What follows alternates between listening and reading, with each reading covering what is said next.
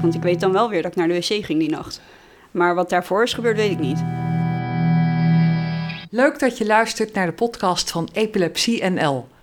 Mijn naam is Marjan Molenaar en ik werk bij Epilepsie NL. Meer dan een miljoen mensen merken iedere dag dat epilepsie levens verstoort. Mensen met de aandoening zelf, familie, vrienden, collega's en epilepsie kan ieder van ons overkomen. Soms met een heldere oorzaak, zoals een ongeluk of een hersenbloeding, vaker zonder duidelijke aanleiding. Bij Epilepsie NL zetten we ons in om het leven van mensen met epilepsie beter te maken. En verhalen delen helpt. Vandaag het verhaal van Judith. Judith, welkom. Stel jezelf voor. Ik uh, ben Judith, ik ben 28 jaar en ik uh, kom uit Den Haag. En uh, ik heb sinds drie jaar epilepsie. Beschrijf eens wat voor persoon was jij voordat epilepsie werd vastgesteld? Vind ik eigenlijk heel lastig. Want zelf heb ik niet het idee dat ik ben veranderd. Maar ik merk wel op momenten dat ik mezelf niet lekker voel, dat ik heel erg alert ben op het feit of er misschien een aanval kan komen. Dus ik sta wel dan constant aan om toch signalen op te pakken dat ik denk, oké, gaat het nu wel of niet komen? Maar verder heb ik niet het idee dat ik echt ben veranderd, alleen iets meer angst uh, erin geslopen. Dus hoe was Judith drie, vier jaar geleden? Uh, zorgeloos. ja, het, het, overkomt je en uh, je staat er niet bij stil dat, dat het zomaar kan gebeuren. Je hoort erover, maar het, uit het niets was het dan bij mij getroffen. En ik uh, was zorgeloos. Ik stond nergens bij, echt bij stil. En nu ineens, ja, je leven draait gewoon toch om. Vertel daar eens over. Um, uh, ja, je, je moet opeens rekening gaan houden met dingen. Je mag niet meer autorijden. je mag wordt een leefregel is ook dat je niet alleen zou mogen douchen. Fietsen wordt ook afgeraden. En nou ben ik heel erg van het fietsen. En gelukkig heb ik geen rijbewijs, dus die regel valt in het niets. Dus dat vind ik niet zo heel erg. Maar ook, uh, ja, je bent constant iets aan het opzoeken, want je wilt een verklaring hebben. Maar die is er bij mij niet. Dus alles waarvan ik denk dat het me kan triggeren, omdat je dat hoort van een neuroloog of leest op het internet, uh, ga je daar toch wel bewuster op letten. Omdat je een verklaring wilt hebben. En vier jaar geleden was het uh, niks. was er niks aan de hand. Wat gebeurde er toen? Ik uh, weet het eigenlijk niet. Ik, mijn allereerste keer was in mijn slaap. Het is sowieso in mijn slaap. Bijna overdag heb ik er geen uh, aanvallen van. Um, de allereerste keer lag er een vriendin naast mij. En die, wilde, die merkte dat ik ging overgeven s'nachts. En ze kreeg mij niet wakker. Uh, zij heeft uiteindelijk niks gedaan en dat neem ik haar ook niet kwalijk, want zij wist waarschijnlijk ook niet wat zo goed wat ze moest doen. Nou ja, en toen ik wakker werd, ja, ik had spierpijn en ik had een tongbeet en ik had dus blijkbaar overgegeven, maar ik ben nergens wakker van geworden. Dus ja, toen dacht ik, nou ja, is misschien eenmalig. Oké, ik had ook een feestje gehad daarvoor, want het was uh, de laatste avond in een huis voordat ik ging verhuizen. Maar ja, toen het twee, drie maanden later weer kwam, dat ik dacht, oké, dit is nu niet meer goed. Er gaat ergens iets s'nachts mis. Waardoor ik dus een aanval heb gehad. Dus ik heb het één keer opgenomen, dus ik heb mezelf wel gezien. Je hebt het één keer opgenomen? Ja, Hoe bedoel je dat? De, de neuroloog vroeg of ik een camera uh, op mijn bed wil zetten om s'avonds dan uh, te filmen. En als ik, uh, dat soort bewijs, want ze wisten ook helemaal niks. Want ik vertelde wel wat er gebeurde, maar er was geen bewijs. Dus ze konden ook nog niet de juiste diagnose stellen. En na aanleiding van het filmpje kon er meer onderzoek gedaan worden. Waardoor dus uiteindelijk dan de diagnose is gekomen. Dus hoe moet ik me dat voorstellen? Je ging naar een winkel om een camera te kopen en die ging, zette je op je bed? Ik, uh, ja, ik mocht hem op, ja, gericht naar mijn bed zitten. Dus bij mij stond hij toevallig in mijn boekenkast, want die staat tegenover mijn bed. En ja, die zet ik elke avond aan via een app. Dat was op zich wel heel handig, maar het was heel raar. Omdat mensen komen ook op bezoek. En ik woonde toen de tijd in een studio en mensen zien die camera op het bed staan. dus mensen kunnen ook hele andere gedachten krijgen. Dus ik moest telkens verklaren waarom die camera daar stond. Hoe was dat om jezelf zo te zien? Heel raar. Ik durfde het eerst ook niet. Want ik, ik had niet het idee dat ik het ben. Dat is heel raar. Je, je kijkt naar jezelf, maar het is anders dan dat je kijkt naar een video tijdens een feestje of zo. Want dan ben je er bewust van dat, je, dat jij het bent. Maar omdat ik dus niet wakker word en me totaal niet bewust ben van de aanval, uh, vond ik het heel raar om naar mezelf te kijken. Het heeft echt een week geduurd voordat ik het durfde. Om, om toch een soort acceptatie of zo. Ik weet niet precies wat het is. Maar het- jij bent het niet. Ik vond het heel raar. Wat zag je gebeuren? Nou, dat vind ik dan wel weer grappig. Ehm, ergens reageerde mijn lichaam dus wel dat ik een aanval zou krijgen. Want je ziet mij, eh, mijn kussen en mijn dekbed zie je me naast het bed leggen, eh, liggen. Eh, eh, daarna val ik in slaap. Of ik ga, ik slaap gewoon verder. En op een gegeven moment zie je dan net mijn handen trillen. En helemaal, helemaal verkrampen. En op een gegeven moment word ik daar wakker uit en ik sta op. Maar de zwaartekracht is zo zwaar dat ik gewoon weer terugval op de grond. Nou ja, dat gebeurt een keer of drie. En daarna zie je me weglopen, want ik weet dan wel weer dat ik naar de wc ging die nacht. Maar wat daarvoor is gebeurd, weet ik niet. Dus dat is echt heel apart. Maar ik vind het dan wel weer grappig dat mijn lichaam dus wel ergens op reageert. Om me wel mezelf in veiligheid te brengen, zodat ik niet van het bed tegen mijn nacht, nachtkastje aanrol. Of iets dergelijks. Dus dat vind ik dan wel weer knap. En wat merk je 's ochtends als je wakker wordt? Eh, heel moe. Gigantische moe. spierpijn overal. Ja, tongbeet. Eh, ik heb die nacht ook mijn knokkels kapot geslagen. Toch nog wel tegen een muur aan. Knokkels kapot geslagen? Ja. Ik word daar, ja, ik echt tegen de muur, zeg maar, gewoon. Het klinkt heel naar, maar ik word er allemaal niet, eh, ik word er niet wakker van. Ik merk het allemaal de volgende ochtend. En ik ben dan ontzettend moe, dus ik kan gewoon 24 uur daarna slapen. Ik mis gewoon een hele dag. Omdat het zoveel impact heeft. Kwam je in een soort medische malle molen terecht? Ja, eh, ik had de mazzel. Eh, dan na die tweede aanval ging ik naar de huisarts. Maar de huisarts was toevallig zelf ook neuroloog. Er was een invalhuisarts, mijn eigen huisarts was er niet. Dus ik denk ergens dat ik daar mazzel heb gehad. Want ik, ik weet niet hoe een eh, basishuisarts zeg maar, daarop reageert. Eh, maar hij heeft me direct doorgestuurd naar het Westeinde. Het ziekenhuis het in ziekenhuis. Den Haag. Ja. En hij, eh, ehm, ja, gelijk een testen, een MRI. Nee, een... Dat kan. Ja, Ja, wel een een MRI-scan, ja. Of en, een en een voor, E- ook weer? EEG. Ja, EEG. En daarna, ja, na, uit, na de uitslag daarvan van de EEG, ik reageer niet op lichtflitsen. Dat, eh, daar reageer ik niet op. Maar ik reageer eh, eigenlijk ook niet op iets anders. De reactie waar ik op reageer weten ze niet. Maar ze hebben wel op de MRI-scan een afwijking gezien in de slaapkwap. Oké. Mijn eh linker slaap, slaapkwap heeft meer vocht dan mijn rechter slaapkwap. En of dat de epilepsie is of gewoon een afwijking, weten ze ook niet. Maar omdat het s'nachts komt, linken ze dat dan wel weer aan die kwap. Dus er is geen oorzaak, maar ze denken wel dat het, omdat het s'nachts is, dat die slaapkwap er iets mee te maken heeft. Ja. Ja, En nou weet je het, hè? Nou heb je epilepsie. Ja. Wat stelden de artsen toen voor qua behandeling? Ehm, nou, ik ben toen ook nog doorverwezen naar Zijn. Ik ben in Voorburg eh, terechtgekomen. Ja, een gespecialiseerde kliniek, hè? Zijn en Kempenhagen in Nederland. De, de klinieken voor mensen met eh, epilepsie. Ja, dat klopt. Ik ben toen doorverwezen naar het eh, slaapkliniek in Heemstede. ja, Heemstede. Ja. Daar heb ik eh, geslapen. Daar hebben ze me eh, nou, 24 uur heb ik aan de, aan de draden gelegen, op Ja. mijn hoofd dan. Allemaal en plakkers hart. op je Allemaal- hoofd? Ja, en Ja. Aan, aan het hart. Eh, om te kijken of ik dan om een aanval uit te lokken, maar Oh die ja. is dan helaas niet geweest. Dat is dan wel weer jammer. Ik had dat stiekem wel gehoopt, misschien dat ze dan iets kunnen aflezen. Dus dat was wel jammer. Nou ja, maar uiteindelijk is daar niks uitgekomen. Dus ik eh, kwam in de medicijnenmolen terecht. Voordat het eh, onder controle was. Het is nu wel onder controle, anderhalf jaar. Dus daar ben ik wel heel blij mee. Maar het betekent dus wel dat je medicijnen moet slikken. Ja. En wat slik je? Lamotrigine. Lamotrigine, ja. Ja. Twee En keer op de dag. Twee keer. Ja. En gelukkig de allerlaagste dosis van dat eh, medicijn. Dus daar ben ik ook wel blij mee. Dus ook geen bijwerkingen. Dat scheelt echt wel.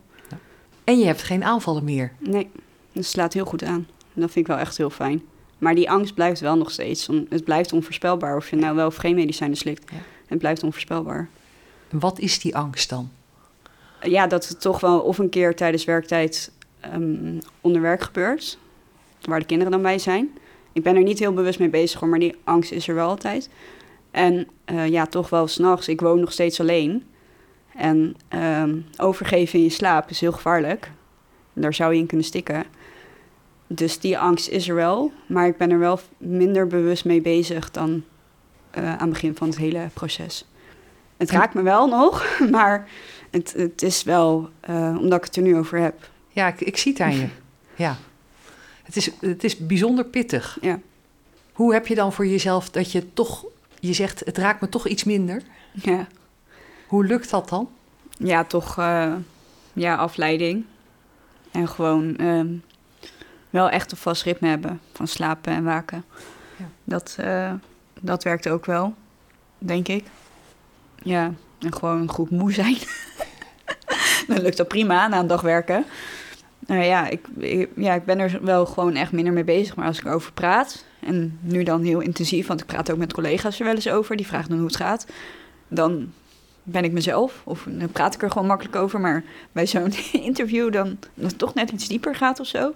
dan oppervlakkig met collega's of vrienden... ja, raakt ze me blijkbaar dus wel. En dat had ik niet verwacht. Hoe is het contact met je arts? Nou, die zie ik eh, jaarlijks. Dat is teruggedraaid naar jaarlijks. Tenzij er tussendoor iets gebeurt, dan kan ik direct eh, contact opnemen. Ik heb hem dit jaar nog niet gezien. Maar eh, gelukkig, en dan kunnen we afkloppen, is het ook nog niet nodig geweest. Dat is heel dubbel. Dubbel. Nou ja, dat ik, dat ik hem dus niet meer elk half jaar hoef te zien. Of meer vaker. Maar aan de andere kant wil je toch ook wel weten of dit zo blijft. Dat je aanvalsvrij blijft. Dat maakt het een beetje dubbel. Heeft iemand dat antwoord voor je? Nee, neuroloog ook niet. Niemand. Nee, Maar ik kan me zo voorstellen dat dat een zoektocht is. ja. Blijft dit zo? Ja, en de Ja. zoektocht is ook nog steeds, eh, hoe is dit ontstaan? Ja, Hele ja. jeugd, eh, ik heb geen aanleiding gehad tot eh, epilepsieontwikkeling. Ook geen koortsstuipen. Nee. In de familie komt het niet voor. En toch ineens, 2018, was het er. Is er ergens iets eh, misgegaan in het hoofd? Hoi, ik ben Miljuska en mijn dochter heeft epilepsie. En daarom ben ik ambassadrice van Epilepsie NL. Voorheen Epilepsiefonds en Epilepsieverenigingen Nederland. Nu is het allemaal bij elkaar gekomen en is het super overzichtelijk op epilepsie.nl. Wil jij nou weten wat epilepsie in het leven doet van mensen of heb je het misschien en zoek je antwoorden? Check dan onze website. Je luistert naar de podcast van Epilepsie NL. De gast is Judith. Zij heeft epilepsie met nachtelijke aanvallen. epilepsie, wat mensen kennen, wat veel op internet te zien is, dat mensen overdag zeg maar, op straat kunnen neervallen en kunnen schokken. Dat is echt wel eh, bekend bij iedereen. En neurologen weten daar ook iets meer van. Maar s'nachts is echt een, eh, een raadsel. Judith, je werkt in de kinderopvang. Heb jij gelijk op je werk verteld dat je epilepsie had? Toen het vastgesteld werd wel. Ik heb direct verteld. Ik denk, kan er beter eerlijk open zijn dan geheimzinnig erover doen. Want stel nou dat er wel iets op werk gebeurt, weten mijn collega's wat ze moeten doen.